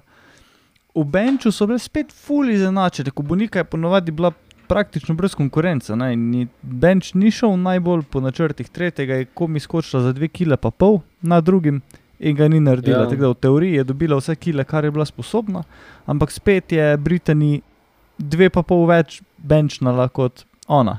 So bile zelo Ja. izenačene. Pojla pa še dale na četrtem, Amelie Miorže, po francosko, po mojem, da se to tako izgovori, 160. Ja. Uh, ampak ni, ni bil pa to rekord, ne vem, ne vem koliko je rekord. Ne vem, na pamet. v 84, ampak ja, ni bil rekord, uh, je bil pa definitivno omembe vreden bench na koncu na četrtem mestu. In Uh, pol, ko so se začeli deadlifti, ne vem, a so američani naredili kako neumno napako, da so tako velik deadlift dali, ali so ga dali zato, ker so hoteli pritiskati na konkurenco, ker je bilo tako blizu. A je mogoče Bonika bila kljub svojim izkušnjam živčna, ker je prvič praktično tok pritiska bilo na njej. Ali kaj je bilo, ampak teh 240 ni v redu zaklenila zdaj po teh novih standardih. Um, je šla ponavljati, je naredila mogoče malo lepš, tudi ni šlo čez, je bilo overtrnano. Tretjega je prišla konvencional, beltless in it sploh ni šlo. Se mi zdi, da te večje punce znajo biti tako že bedra na potu, da je res težko zakleniti včasih brez nekega hičanja. Več teh žensk sem gledal, nasploh so imele težave z zaklepanjem. ja, se je bilo, mislim, da je bilo kar nekaj teh ženskih deadliftov, da so bile uh, tale Natalija Lalaj, avstralka, sem gledal. Ki je šla uh, na koncu, je pobrala svetovni rekord 268, pa je šla pa še više na 275, pa pol, pa je tudi uh, identično kot je na državcu letos, ki je šel za državni rekord v deadliftu, ki je prišla uno, čist do vrha, že ni rad ali pa ramen nazaj potegniti. ne, In mm -hmm. um, je bil poj uh, nov lift, pa, pa tudi sunita, mislim, da, uh, da je, se je praktično isto zgodilo. Ja. Tako da imajo res, res te, ta, te, um, ta, več, mislim, ta večji lifterji nasploh, ne samo punce, ne imajo, uh, imajo kar težave s tem. Uh, mislim, ti je ful ti je na poto, ne, če imaš toliko mase na nogah. Ne. Ja, res je. Uh, in ja, pol je bil fight za Boniko že po drugem deadliftu, pač že, že po openerju bi mislim, da še vodila. Pol na drugem so jo že prehitele, tretji pa pač itak pol že ni imela več šans, kakršnih koli. Um, je bilo pa toliko bolj zanimivo za zmago, ker so bile in Britanija in Sunita Kien čist, čist, čist skupaj, obe dve postavili total uh, rekorde. Uh, by the way, Bonikin Opener bi tudi bil total uh, rekord, da že zato smo imeli tako, so ga šli samo zato, da si sekura že z Openerjem total rekord, ali kakorkoli ni bil ta prav kol. Zakaj ja, ja. točno pa ne? veš. To Se strinjam s tem, ko si ti prej rekel, da pol po tekmi je zelo lahko biti trener. Ja, to je zmer reče. Mm. In eh, ja, je uh, Sonita Kane imela malo prednosti, zaradi tega, ker je močnejša deadlifterka in tudi svetovni rekord je lahko podirala. 260 pa pol je v drugem attemptu naredila. Uh, Britanija je naredila uspešno vse tri in si zagotovila um, 693 pa pol totala. Uh, Sonita je za tretjega dvigala za zmago 67 pa pol. 267 pa pol in ji žal ni uspelo, tako da je končala na drugem mestu. Uh, v, ne vem, če sem v 84 plus že kdaj videl tako bitko, pa tudi tako kakovost dviganja, ker so praktično čist na meji tudi po točkah z ostalimi kategorijami, ko ponavadi pri super Ja. heavyweightih tega ni, ali pa če je, je e, ta prvi, kukor tako blizu, ostali pa precej daleč, da se tukaj full dvignil uh, ra, rang in uh, kakovost tekmovalk. Ne? Ja, pa strašno, bliz, strašno se bližajo te magični cifri 700 totala, ne. 693 pa pol pač. Ja. Vem, jaz, si, jaz si skoraj upam reči, za Britanijo vem, da so komentatorji rekli, da je imela insane napredek v zadnjem cajtu. Tako da bi si skoraj upal reči, da znamo naslednje leto Ja, videti ja. um, s prvi, s prvi ženski 700 total, ro. Ja, Mislim, da bo to prvi. total, ko si ga še pri nas na državnem med moškimi ne vidiš prav pogosto.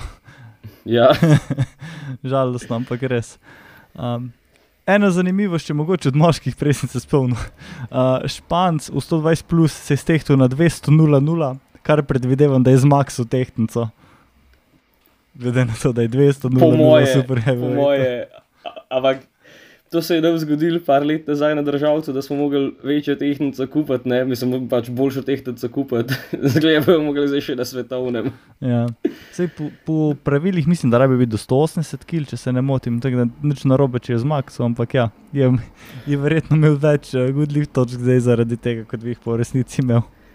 Ja, ne, mislim pa, škoda za njega, da ni več velik točk, ne, ker po velik so bili pa pa je on full več, ne, Ja, ja. Um, je tisti uh, drop-off.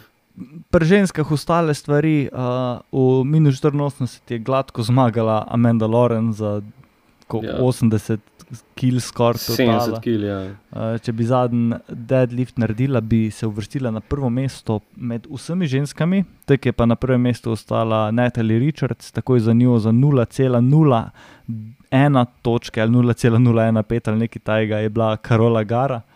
In, uh, žal ni uspelo. Um, mislim, da bi Karola tukaj čist teoretično gledano lahko probala dvigati več. Ne vem, ali so miskalkulatali to um, trenerji, ker ti online kalkulatorji se ne, lih na teh drugih, tretjih decimalkah mal začnejo odstopati. Uh, Oziroma, sem to ne bi smeli. Ja. Ne vem, že to pa ne vem. No, v glavnem, kakorkoli. lahko bi- Ali, ali je bil Lahko bi čipala, ne, se je šlo za, itak je šlo za svetovni za, rekord. za deadlift rekord? Ne. Tako da ne bi ja, mogla. a ja, ne, ne mogla. Ampak no, sej okej. tudi ne vemo, v bistvu, bi 210 sploh lahko dvignala, sem pozabil, kako se je že to Ja, to premikalo. pa- Ampak vem. um, kot zanimivost, malo več bi rabila iti.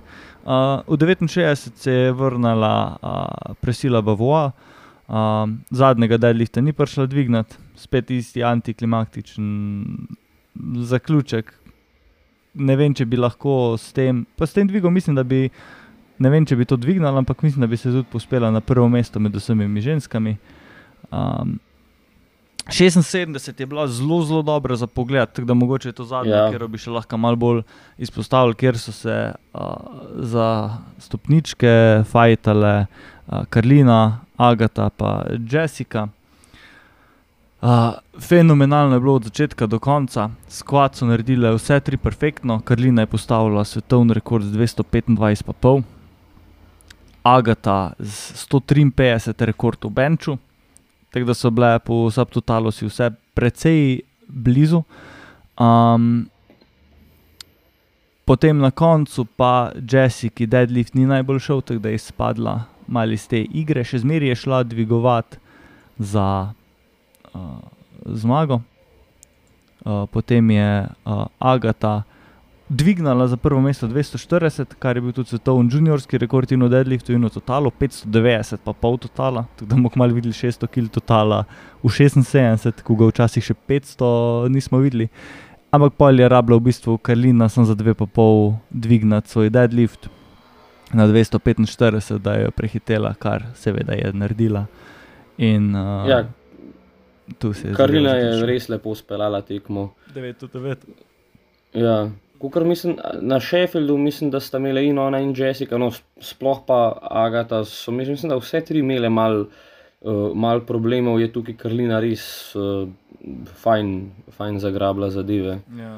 Takrat za skupaj tekmovali te 76, pa moški uh, 93.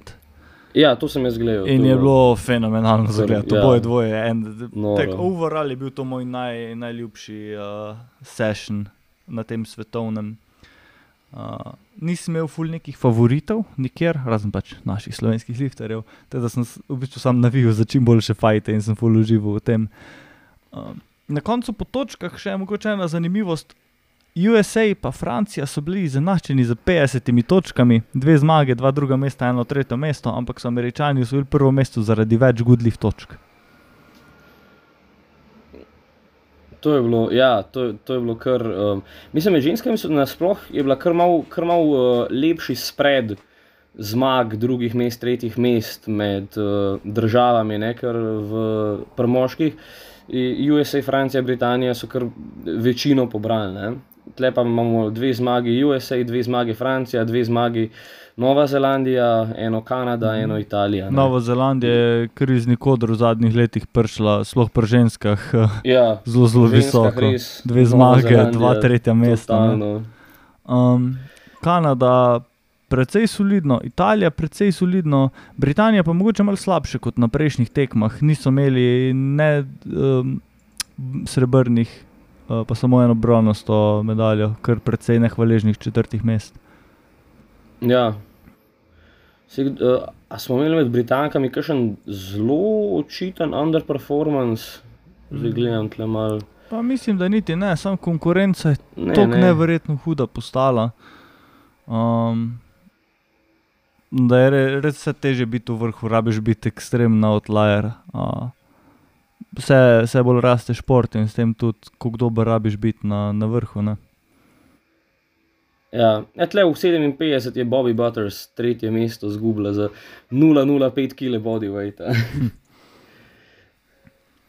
Ampak ja, ne, se ne bi, ne bi kaj baš spremenil. Ja, to je svetovno prvenstvo. Bilo je Ja. letos na precej visokem nivoju organizirano, live stream, popularno športa pa to raste. Tekmovalcev ni bilo še nikoli to, kar je bilo dobro za gledati. Upam, da se ta trend nadaljuje. Tudi lokacija se mi zdi, da se je videlo, da je bila fajna za nas itak, ker nam je pač blizu. Ampak tudi nekako je to, ne vem, Malta je poletje, zelo lep plac. Um, nekako centralno je, veš, niso, da bi imeli zdaj Novi Zelandci, Fuldavč, Američani imajo isto. Za vse je tu bilo nekako centralno, um, pa fajn je bilo organizirano. No. Ja, ja. To je po mojem pol to, od svetovnega prvenstva. Um, kar je bilo, kakih očitnejših pretresov smo omenili, kar je bilo zadev po pričakovanju, smo omenili. Lahko še poveva, zdaj, zdaj se je strašno veliko dogajalo, uh, in še se bo naslednji teden, čez, še, se, čez šest dni, v soboto, bo še prvi Summer Showdown, zadnja tekma, preden se folk odpravi na morje, na počitnice, kamorkoli že grejo. Ja, ja, zdaj so prejšnji teden bili objavljeni razporedi po kategorijah, pa po skupinah. Um, jaz sem, sem bil kar zadovoljen uh, nad tem, koliko ljudi se je prijavilo. pa kako, Uh, s- v bistvu smo skoraj dosegli ta naš limit 40 lifterjev, kar je pač zaradi prostora bil, bila zgornja meja, pa pa zaradi pač raznih odjav, kot je pač ponavadi, uh, jih je prišlo uh, 32, kar nanese na 4 skupine po 8 lifterjev, kar bo po mojem tako na teh prime time svetovnih, bo ful lepo tekoče čez teklo. Razdeljen bomo imeli na dopodanski in popoldanski del. Um, in uh, bo kljub temu, da je manj tekmovalcev, za skupno zmago bo kar fajt, pa v določenih kategorijah bojo tudi fajti. Ker je pač manj tekmovalcev, so določene kategorije mal prazne, ampak v določenih bo pa res, res napeto, pa fajn za gledati. Uh, Ja, Pri ženskah imamo v kategoriji do 63 samo Nikito Žun. Um, v 69 imamo edino uh, konkurenčno žensko kategorijo, kjer je na prvem mestu nominirana Brina Obreza, na drugem Daša Demšar, pa na tretjem Nika Savnik. Um, vse kaže, da bo uh, razpored ostal tak, kot je, ker so razlike med tekmovalkami kar velike, ampak uh, glede na to, da gre tu za novejše, oziroma za eh, manj izkušene tekmovalke, so lahko, so lahko napredki večji, se lahko še kaj obrne. Potem v kategoriji do 76 imamo Kristino Rozman in pa v kategoriji nad 84 kg imamo a, Zalo Mohar Salkič. A, tu edino mogoče bi lahko izpostavili boj za skupno zmago, kjer mislim, um, pa da je mogoče še ti preveri na um, Open IPF-u. Mislim, da zna biti za skupno zmago borba med Kristino Rosman in Brino Obrezo. Brina ima v kategoriji do 69 kg 335 nominiranega seštevka, Kristini Rosman pa do 76 355. Če grem tole v GL kalkulator, vršt, pa recimo, da sta obe dve na robu, women. Kristina, 63. Kristina je imela 72,3 na uh, državnem prvenstvu. Uh, se pravi, Brina obreza, uh, če ima. Uh, 68 kg, ker jih je imela 67,93 na državnem. Okay. Če ima 68, je to 69, 98, pravi 70 iš točk. Uh -huh. um, Kristina 76, ne vem, ne vem pa koliko je ona. 72,3 je imela na državnem, pa 71,75 okay. točke. Spravi za manj kot dve točke so bile na razen. 3, 5, 5. Ja. Pa, Če rečemo, recimo 73, Ja, ja. 71, 83, 38 točke, to je kar blizu. pa na državnem Za, so imeli obe dve kar dobro tekmo. Uh, Brina je edino fejlala tretji bench na 70 kg. Tako da definitivno si ne bojo smele prvošiti nobene napake. Mogla bojo obe dve iti vsaj 8 od 9 do konca, build velik total, ker če kjer, kjerkoli spodrsne, pusti drugi opening za, za zmago. ja. Um, Tlele Zala, ne, Zala Mohar Salkič, to pa mislim, da je za njo, pa to po mojem prva tekma. In ok, sicer je v 84 plus, ne, tako da ima, um, bi avtomatsko mogla kar precej več totala, kot ga ima tlele narediti, da bi se približala njima dvema, ampak uh, bomo videli, ne vem, ne vem koliko. Um, Ne vem, koliko kaj dela v Džimu, vsake to, ki jo vidim, sam nisem bil pozoren preveč na njene lifte, drugač trenira tudi v Alfi. Um. Ampak tretje mesto mislim, da skoraj da ima. Um, ne vem pa, koliko bi se mogla zdaj pa več narediti, um, da bi njima dvema se približala. To pa, Ja. če dam, pa recimo 85 kg, je poj, da je pa 70, mora biti to poj po mojem 300, 380 bi mogla poj. Se pravi, 35 več, ker ima nominiran, da je na 71,5 točke. Aha, kar ok.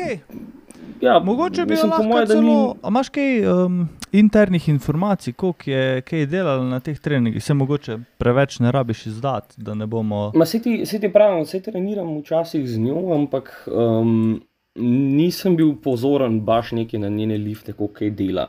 Mislim, da na benču bo naredila kar več kot 60, um, počej pa mrtvih pa res ne znam reči. Ja, le pol teh 35, glede na to, da da je prva tekma, ne?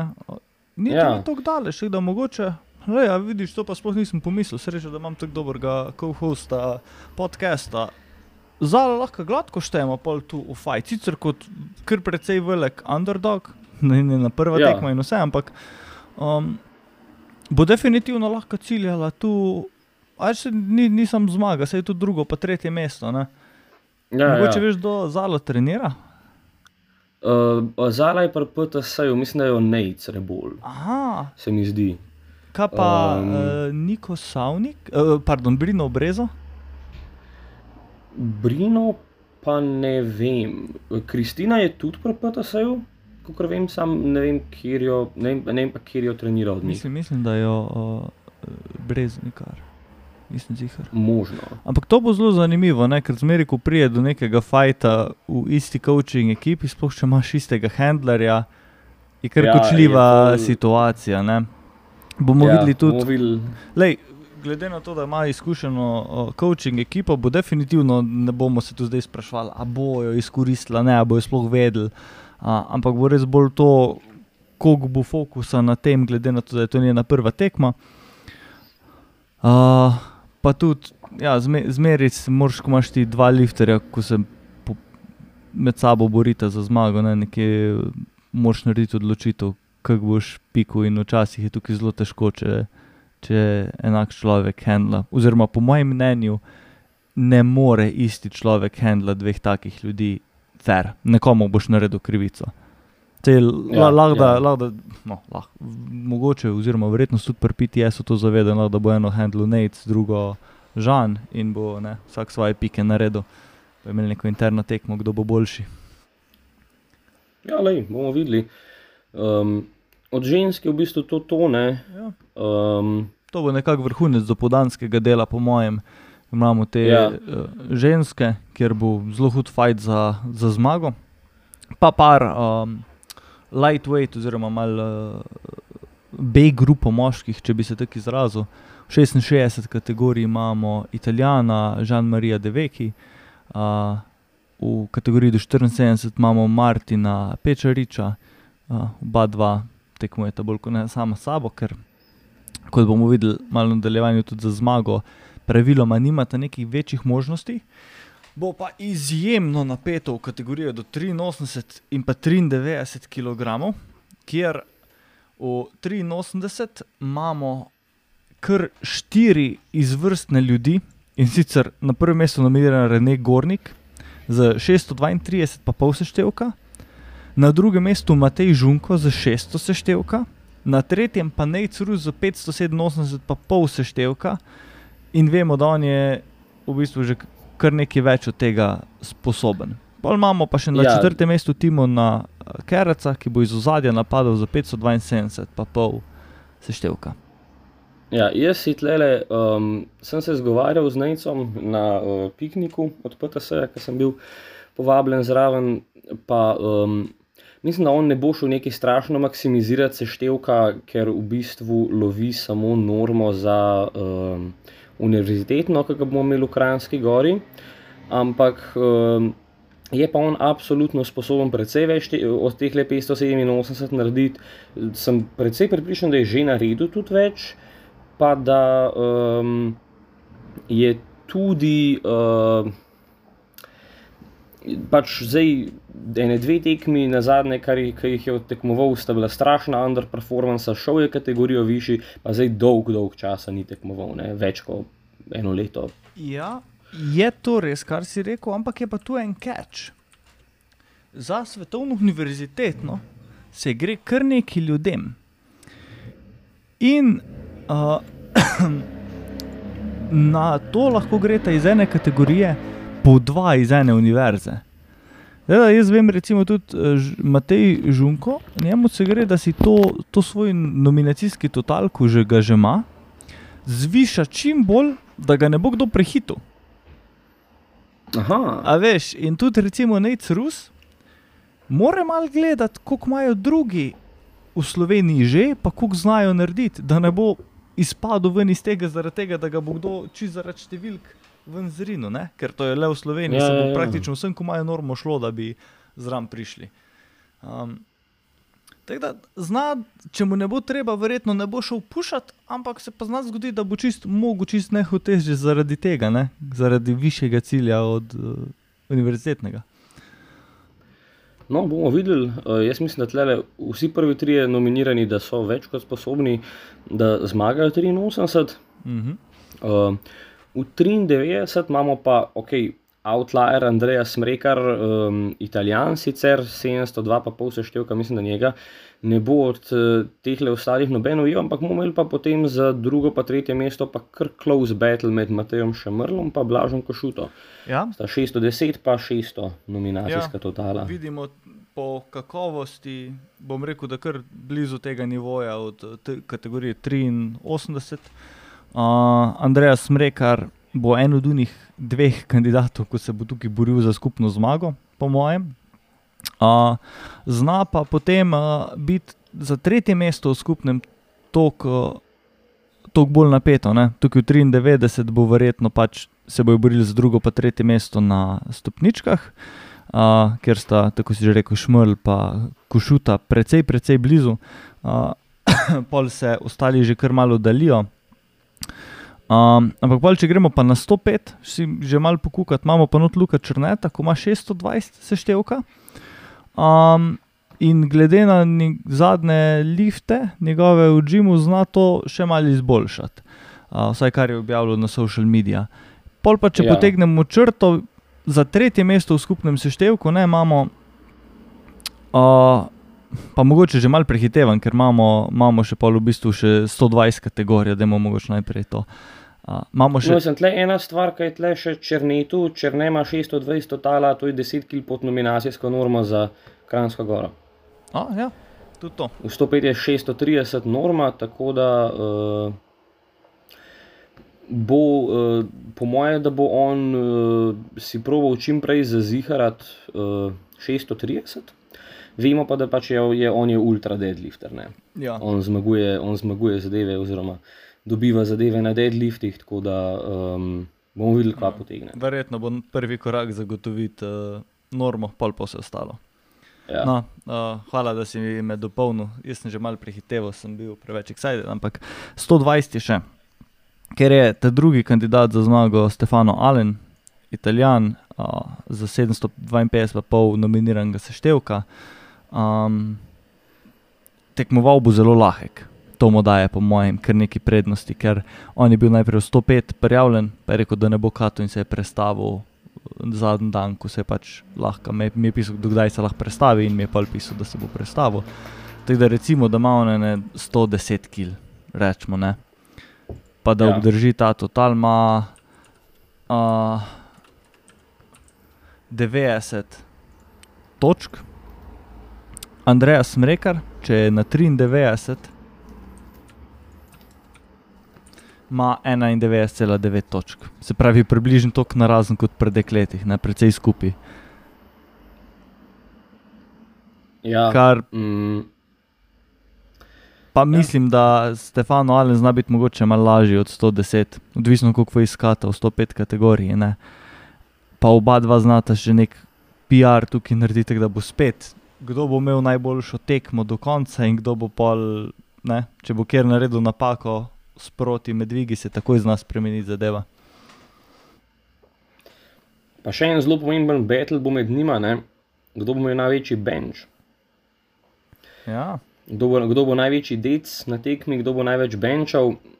Andreja 180 nominiran, Stefano 175, pa, pa še Džemal Jazova 172. Ne. Ja, tu je pa pol uh, še preostanek te naše 120 kategorije. Mislim, da bo Džemal Jazovac tukaj ostal na drugem mestu, ker Jošt je sicer v preteklosti delal zelo, zelo velike napredke, uh, ampak zdaj ni več tak začetnik, kot je bil, tako da lahko pričakujemo, da bo tu še zmeraj napredek, ampak morda malo manjši, kot je bil iz prve tekme na drugo. Pa tudi od, de, od Olimpije do državnega je je bilo več časa kot od državnega, pa zdaj do Pavzela Open. Uh, mu bo pa kar za vratnik tukaj dihal, če že govorimo o stopničkah. Uh, Žan Francovič, ko je predvsej močen fant, ampak bo to njegova prva tekma in je zelo. Uh, zelo težko napovedati, koliko bo imel tukaj napredka, ali bo kakšne začetniške napake, ali mu bo šlo vse po maslu, ampak um, če ima perfektno tekmo, pa mogoče če Joštu ne gre čisto vse po, po planih, ga zna ogrožati mogoče za tretje mesto. No, to Koliko je pa za 120 nominacijska, nominacijski total za univerzitetno, ker mislim, da Joštu se tudi gre za to. 100 Ja, za 120 je 630, tako za 105. Ja, kar zna. Tako da, ja, još se zna temu, po mojem, da se zna približati. mislim, da je to tudi en njegovih ciljev. Najverjetneje, Ja. ja, če ne, ne vem, zakaj bi tekmoval tako hitro po državnem. Ne. No, eh, zdaj pa mogoče, če se vrnemo nazaj na to, kar sem že prej hotel začeti. Uh, skupna zmaga, glavna kandidata sta tukaj definitivno Andreja Smrekar in Stefano Allen, ko sta po točkah, pa po totalih, pač, če jih primerjamo z našim na državnem, sta kandidata za stopničke na državnem po točkah, tako dobro sta in pa tudi za norme. Ki so pri nas postali, tako da to sta res vrhunska tekmovalca iz Italije, se kar zdaj že kar redno udeležujete naših tekem. Um, pol za tretje mesto je pa zadeva, po mojem, malo bolj odprta. Ne? V 83 imamo kar nekaj dobrih tekmovalcev, v 93 ne zaostajajo toliko, v 105 morda Luka nima toliko šans, zaradi tega, ker bi rabo imeti kar hud, hud napredek, da bi konkuriral lažjim tekmovalcem s praktično istim totalom, sploh Renejo, ko ima nominiran celo za 12 kg pa pol višjega. Imamo pa pol v kategoriji do 120, že malo jaz zavata za 666 napovedanega totala. Uh, zdaj recimo, da ima on celih 120 kg, je to 77 točk pa pol, če malo zaokrožim.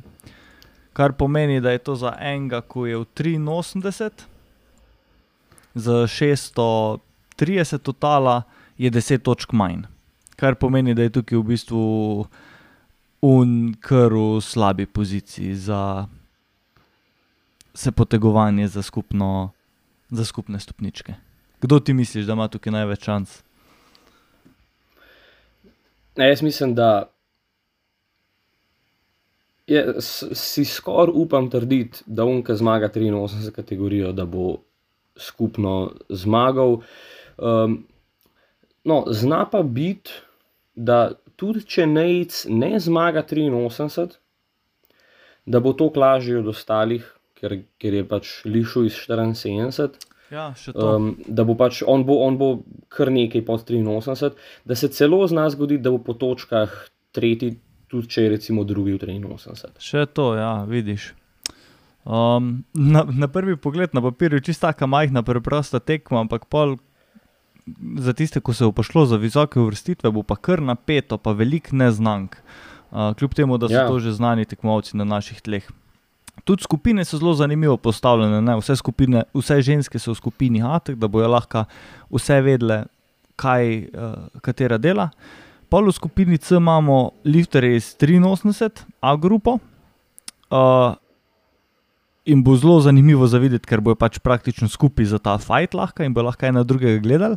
Imeli bojo pa ta handicap, da ne bojo mogli vedeti, kaj delajo lifterji skupine D, ker skupina D bo deadliftala za njimi tam so pa najboljši iz 93, uh, najboljši iz 105, pa najboljši iz 120. Tako da v bistvu vse te, vsaka skupina znotraj sebe bo v isti skupini, se bo lahko fajtal za svoje stopničke, ampak za skupno zmago, oziroma za skupno tretje mesto, bo pa skupina D imela mal prednost pred skupino C. V resnici so ja. to pač 83 lifterji, ki imajo zaradi bodyweighta malo boljšo pozicijo, ampak bojo pa ne bojo pa mogli snajpati, tako bo lahko recimo 93, 105, pa 120. Ja, definitivno um, je zadeva precej bolj zanimiva, kot mogoče zgleda enemu na prvi pogled. Um, in ja, bomo videli, pridite gledati ja. v soboto, kdaj se začne tekma. Pa ob desetih začnejo dvigati uh, dopoldanske grupe pol bo ob enih podelitev, ob dveh začne popoldanske grupe, in pa do enih petih bo vse skupaj konc. Da bo res lušno, vreme bo fajn, pridite pogledat liftanje, uh, pejte pol uh, tukaj v okolici na kako lepo lokacijo, povzela, zna biti kar gut, imamo uh, par lepih lokalov, imaš sladoled, imaš par razglednih točk, tako da se da narediti nek. Uh, Lep day trip, pa še zraven vidiš par dobrih dvigov. No. Tako da pridite pogledat. Um, Máš za zaključek še ti kaj zanimivega zapovedati, kako dobro temo, mogoče malo update za tvoj weight loss journey, kaj novega?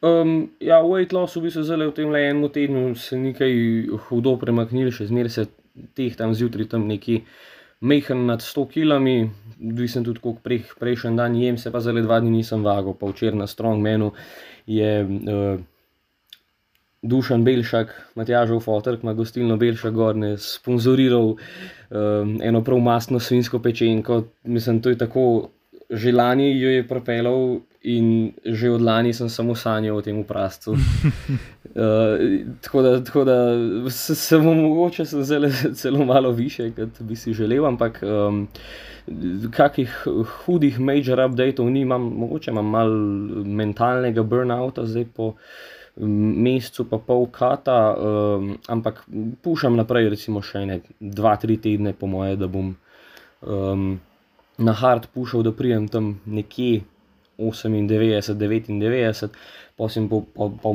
pa, pa probal en cajt maintainati. Okay. Kak je uh, ja. Rama? Uh, Rama bench, trenutno sem nekje na 85 kg, 90, no, 90 sem danes delal ene osemke. Uh, zdaj imam pa naslednji trening, ki bi ga mogel sicer danes narediti, ampak sem šel tole snimati.